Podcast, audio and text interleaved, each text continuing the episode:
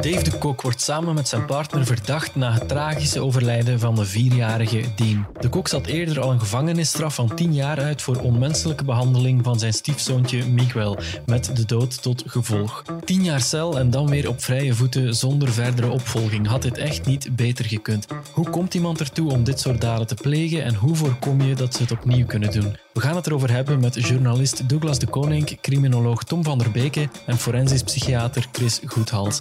Mijn naam is Dries Vermeulen. Dit is Duidelijk. Duidelijk. De morgen. Bij mij aan tafel zit Douglas de Koning, gerechtsjournalist bij De Morgen. Douglas, op dit moment zijn de twee grootste verdachten in de zaak rond de overleden jonge Dean, Dave de Kok en zijn vriendin. Twee uh, vrienden, een bevriend koppel van de mhm. moeder van mhm. Dean van Dave de Kok ja, weten we dat hij al in de gevangenis heeft gezeten voor eerder gewelddadig gedrag tegenover een kind dat ook fataal is afgelopen. Uh, wat weten we eigenlijk precies over die Dave de Kok op dit moment? ik heb een deel van zijn uh, gevangenisdossier, gevangenisdossier kunnen, kunnen inkijken.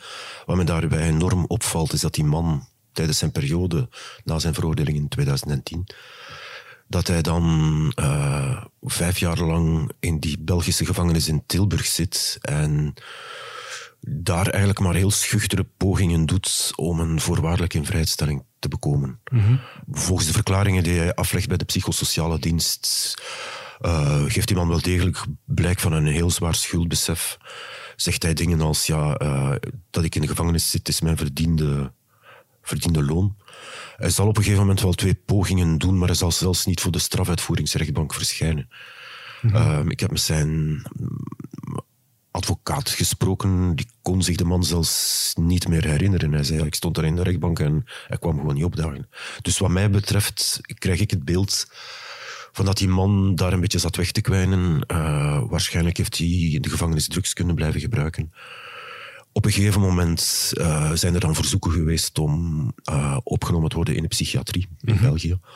Nu, ook dat, dat is vrij hopeloze onderneming. Iedereen weet dat toen, in de jaren 2010, 2015, waren er wel al de eerste plannen en aanzetten tot het uitbouwen van een uh, gespecialiseerde centra. Er zijn er nu twee. Mm Waar dat uh, gedetineerden met psychische problemen in plaats van levenslang geïnterneerd te worden, wel degelijk worden behandeld. Maar het plaatstekort is nog altijd enorm.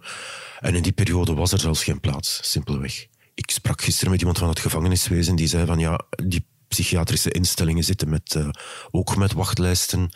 Als die moeten kiezen tussen de vrouw van meneer dokter, die af en toe cocaïne gebruikt, en uh, ja. iemand die een kind van twee jaar heeft gedood, ja, wat, wat wie denk je dat ze gaan kiezen? Ja, want bij, bij, bij zijn eerste veroordeling werd Dave de Kok ook al onderzocht door een psychiater. werd vastgesteld dat hij onder meer antisociaal gedrag vertoonde.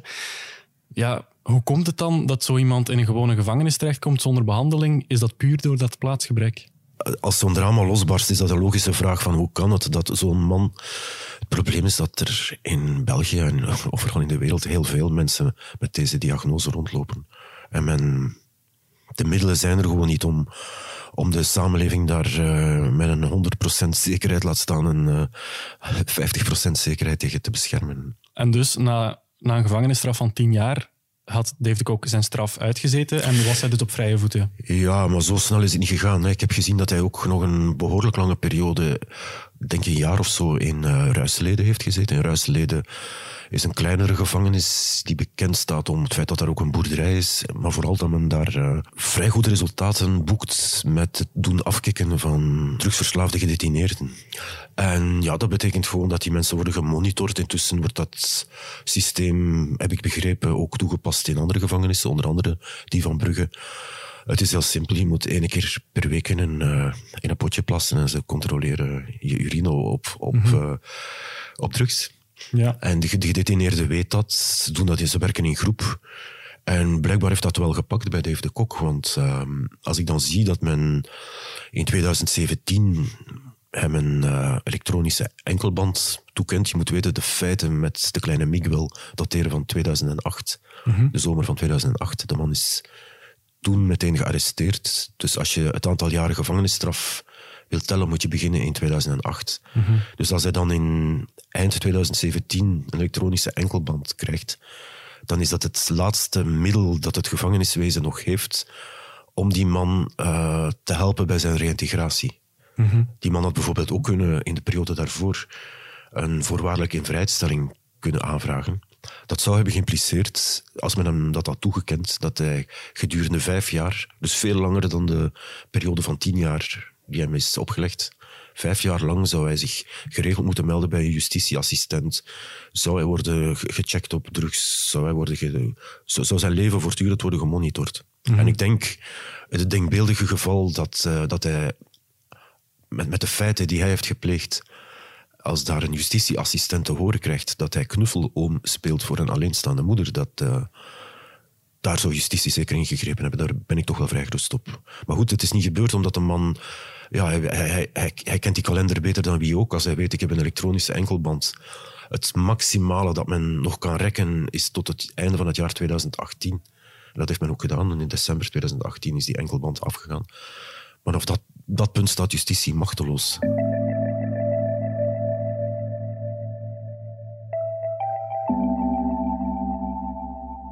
Nu, op dit ogenblik bestaat er een instrument om mensen op te volgen, ook na hun straf. Dat heet ter beschikkingstelling. Hè. Dat is een systeem waarbij dat de persoon naast een klassieke straf ook veroordeeld wordt om zich ter beschikking te houden. En hij wordt dan opgevolgd, begeleid, uh, onder de controle van wat men noemt een strafuitvoeringsrechter. Dat systeem is voor dit soort feiten ingevoerd in 2012. Eh, maar dus 2012, dat is twee jaar na de veroordeling van die persoon in kwestie. Dus een ter beschikkingstelling was niet, uh, was niet mogelijk. U hoorde justitieminister Vincent van Quickenborne. Die zei in de ochtend op Radio 1... Tegenwoordig kunnen we dit soort daders ook na hun celstraf verder in de gaten houden dankzij die ter beschikkingstelling. Maar die bestond nog niet op het moment dat Dave de Kok veroordeeld werd. Volgens Tom van der Beke, professor strafrecht aan de Universiteit Gent, bestaat die ter beschikkingstelling eigenlijk al veel langer, maar is ze in 2012 inderdaad gevoelig uitgebreid. Bij zware misdrijven kan het nu gebeuren dat een veroordeelde ook na een celstraf nog 5 tot 15 jaar ter beschikking moet blijven van het gerecht. Dat kan betekenen dat de betrokkenen die in de gevangenis zit, in de gevangenis blijft gedurende die tijd. Maar het kan ook betekenen dat die onder toezicht gesteld wordt, zo'n beetje in de zin zoals een voorwaardelijke invrijstelling, dat die de gevangenis kan verlaten, maar wel onder toezicht blijft. Ik wil toch opmerken dat dat bijzonder lang is, want de kritieken op de ter beschikkingstelling, zoals ze in, sinds 2007, 2012 echt bestaat, zijn altijd heel groot geweest, ook vanuit de academische wereld. Het is toch, sommige straffen zijn misschien maar vijf jaar, maar daar kan nog extra 15 jaar bij komen. Dus dat was wel zeker vergelijken met vroeger, een enorme verstrenging al, sowieso. Of zo'n ter beschikkingstelling in het geval van Dave de Kok een drama had kunnen voorkomen, betwijfelt professor Van der Beke. Want, zo zegt hij, iemand onder toezicht plaatsen of een langere straf geven is geen garantie dat hij niet zal hervallen. Waar het natuurlijk wel voor zorgt, en dat is wat men nu zegt natuurlijk, als de betrokkenen langer in de gevangenis zitten, dan gedurende die tijd dat ze er langer zitten, zal er geen nieuwe misdrijf gepleegd worden. Dat is evident. Hè? Dus dat is evident. Maar veel meer garanties dan dit kan je echt wel niet bieden. Want we weten eigenlijk dat een straf langer maken, dat klinkt misschien populair hè? En, en dat zorgt misschien voor een gevoel van veiligheid. Ik denk dat dat heel beperkt is, want we weten dat dat eigenlijk contraproductief wordt. Daar zit een contradictie in, want men wil recidive voorkomen door mensen heel lang op te sluiten. En dat is een beetje het paradox, maar hoe langer je ze opsluit, hoe gevaarlijker je ze mogelijkerwijze maakt. Als die opsluiting, hoe meer je ze ontmenselijkt in die zin. Dus het is een heel moeilijk debat. Maar het is echt te simpel om te zeggen, hoe langer we opsluiten, hoe zekerder we zijn dat de betrokkenen niet zo dingen gaan doen. Ja, de vraag hoe het kan dat iemand na dit soort feiten op vrije voeten komt en opnieuw kan toeslaan, die is natuurlijk begrijpelijk. Maar, zo zegt professor Van der Beke, binnen de grenzen van ons rechtssysteem is dit eigenlijk niet altijd te vermijden. Ik ken het dossier natuurlijk niet, maar als ik hoor dat de betrokkenen uh, toch ook een hele tijd na zijn vrijlating, ja, zelfs mocht hij onder toezicht gesteld zijn, zich Daarvoor zijn goed gedragen, dat er geen problemen zijn. Dus ik denk dat zoiets niet te vermijden is. Er is een straf, die straf stopt en dan ja, begint een nieuw leven. het is onmogelijk om iedereen ten allen tijden na, om het even welke gevangenisstraf onder toezicht te houden.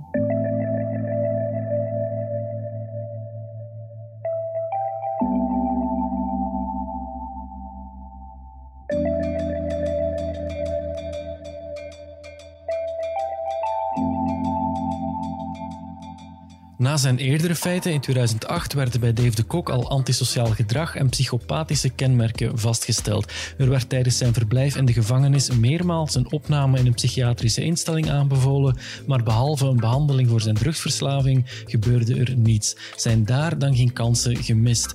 Ik ben gaan praten met professor Chris Goedhals, psychiater verbonden aan het UZ Antwerpen en hoofd van het Universitair Forensisch Centrum. Mijn eerste vraag aan professor Goedhals.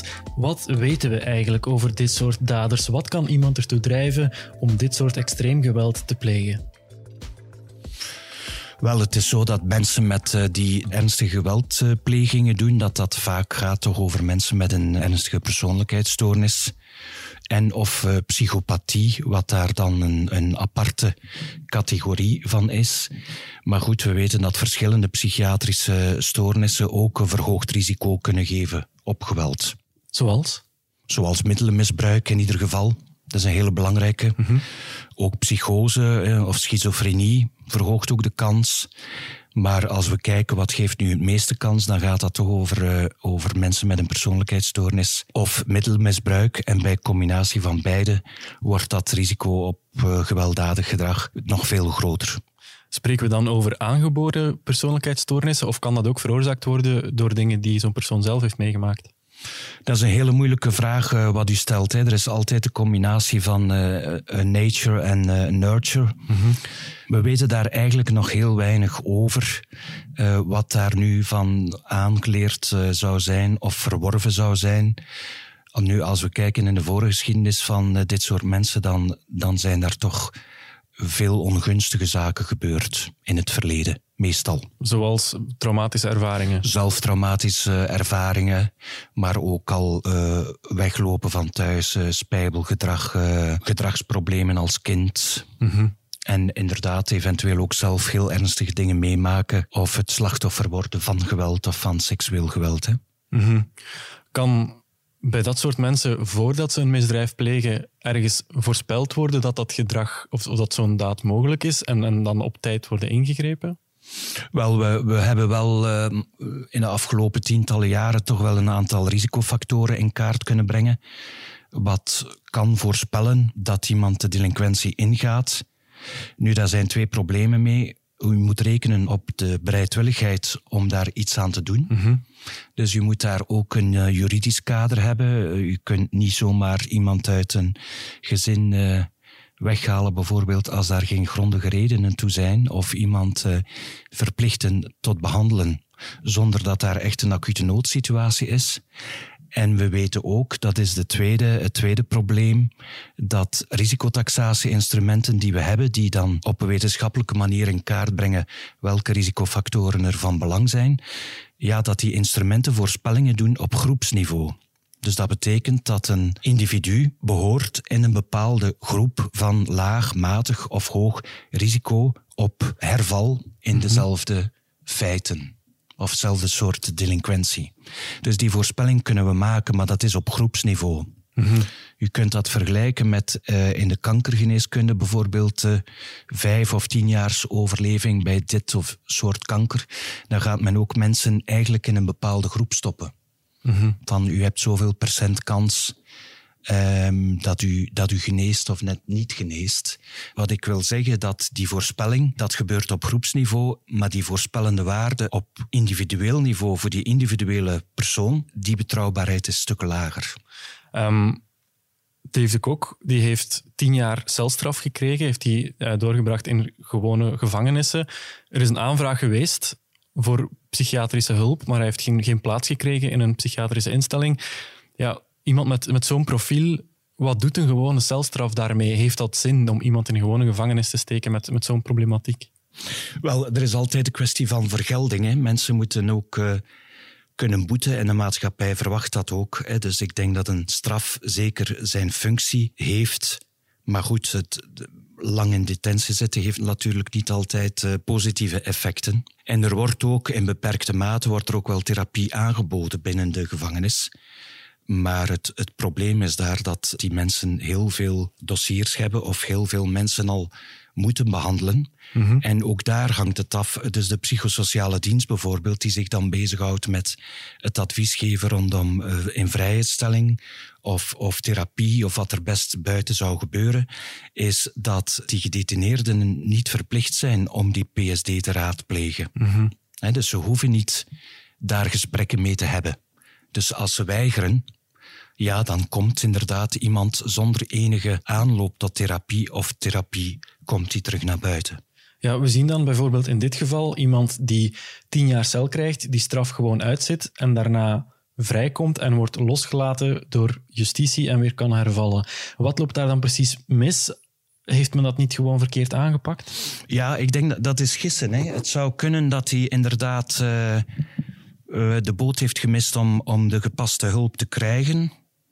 Dat zou kunnen. En dat we dan de kans op, op uh, herval zouden verkleind hebben. Maar u moet ook rekening houden dat er een, een klein percentage mensen zijn die ook niets willen. Mm En die gewoon de straf wel uitzitten en terug naar buiten gaan zonder, zonder enige vorm van behandeling. Maar had hij die straf niet moeten uitzitten in een psychiatrische instelling in plaats van in een gevangenis? Ja, dat zou kunnen, maar daarom uh, moeten we meer weten over het profiel op gebied van, uh, van stoornissen, maar ook naar, naar het. Uh, naar het recidive, naar, het risico, naar de risico-inschatting toe. Hè. Mm Dus dat, dat is moeilijk om dat zo nu maar te zeggen. Gerechtspsychiater Hans Hellebuik die zei in onze krant kindermoordenaars met een psychopathische stoornis, dat zijn eigenlijk hopeloze gevallen. Je kan die niet behandelen. Die moeten gewoon levenslang in de gevangenis doorbrengen. Bent u het daarmee eens? Dat is een uh, vrij ongenuanceerde uitspraak, denk ik. En uh, waarvoor we op dit moment uh, nog te weinig informatie hebben wat, daar, wat er precies is gebeurd, wat het motief is, wat, wat de psychopathologie, wat, wat de stoornis, stoornissen zijn bij die, bij die persoon. Eh, in kwestie. Ehm, het wringt natuurlijk uh, als arts om te zeggen: gooi de sleutel maar weg en we gaan. Uh, we steken nu in de vergeetput. Ik denk mhm. dat er op gepaste tijden en ook als we meer inzicht krijgen in bepaalde stoornissen of problemen en betere behandelen, behandelmethodieken hebben, dat we altijd de plicht hebben om te herevalueren. Dus om te kijken of er of er toch nog perspectief is naar buiten, naar de maatschappij toe.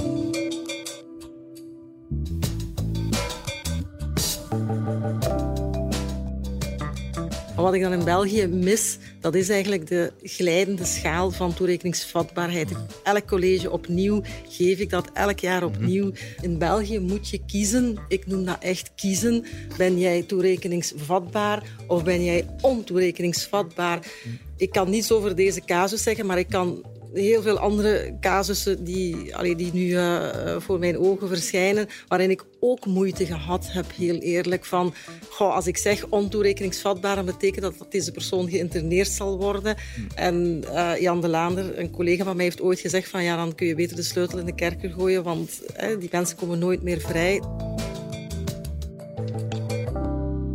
Ja, professor Goethals, we hoorden het hier gerechtspsychiater Lieve Dams zeggen in de afspraak. In België is het heel zwart-wit. Je bent toerekeningsvatbaar of je bent niet toerekeningsvatbaar. In Nederland kennen ze een getrapte toerekeningsvatbaarheid. Je kan daar dus een combinatie krijgen van een celstraf en psychiatrische behandeling. Is dat een beter systeem? Zouden we dat ook moeten hebben voor, voor dit soort gevallen?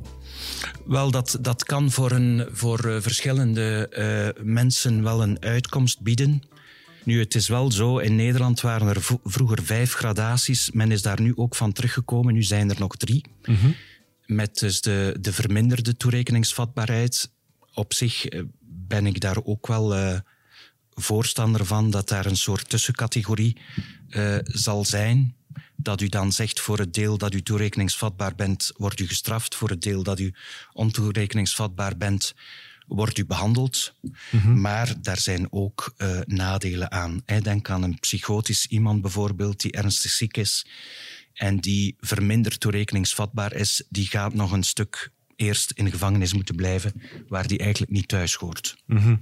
Als u mensen met een ernstige persoonlijkheidsstoornis hebt, zoals waarschijnlijk hier in deze casus, gaat u daar ook mensen hebben die inderdaad dus dan eerst straf moeten uitzitten, maar nadien behandeld worden. En ik weet ook uit ervaring dat er een aantal mensen zijn die gewoon niets willen.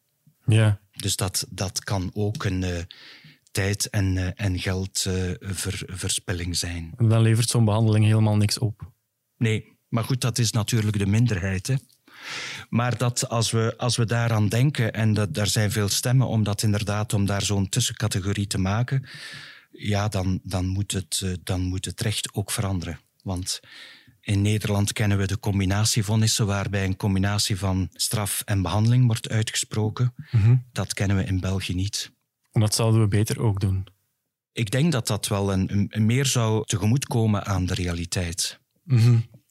In België hebben we ook het oud zeer van het plaatsgebrek. We zijn daar al meermaals voor veroordeeld door het Europees Mensenrechtenhof in die zin dat mensen die geïnterneerd zouden moeten worden vaak in de gevangenis terechtkomen omdat er geen plaats voor hen is in een instelling. Is dat probleem er nog altijd? Moet er nog in geïnvesteerd worden? Wel, er is, uh, er is verbetering in. Uh, de geïnterneerden komen in het uh, FPC. Forensisch Psychiatrisch Centrum. Forensische Psychiatrische Centra in Gent of Antwerpen. Een, een groot deel.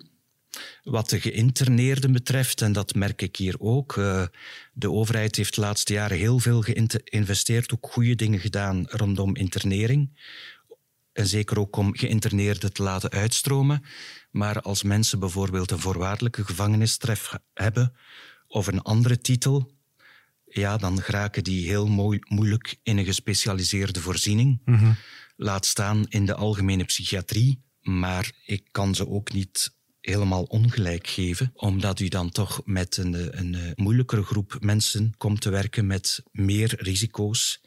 En we zien ook al in de, in de algemene psychiatrie en het algemeen dat op acute diensten dat de hoeveelheid agressie en, en allerlei problemen ook alleen maar toeneemt.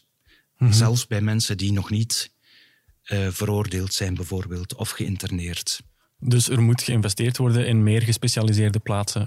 Wel, in geïnterneerden wordt er uh, fors geïnvesteerd, -hmm. maar het substantieel aan, het grootste aandeel zit hem bij de niet geïnterneerden, de gedetineerden. Dus voor geïnterneerden zijn er allerlei initiatieven, maar het gaat over de veroordeelden, dus de gewone gedetineerden, -hmm.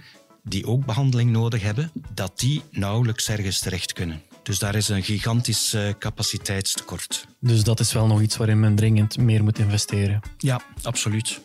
Oké, okay, professor Chris Goethals, bedankt voor uw tijd. Graag gedaan. Ik bedank ook mijn collega, journalist Douglas de Koning en professor strafrecht Tom van der Beke van de Universiteit Gent. En u, beste luisteraar, bedank ik natuurlijk ook weer om erbij te zijn. Hopelijk doet u dat volgende week opnieuw, want donderdag zijn we er weer met een nieuwe aflevering. Heel graag tot dan. Dit was Duidelijk.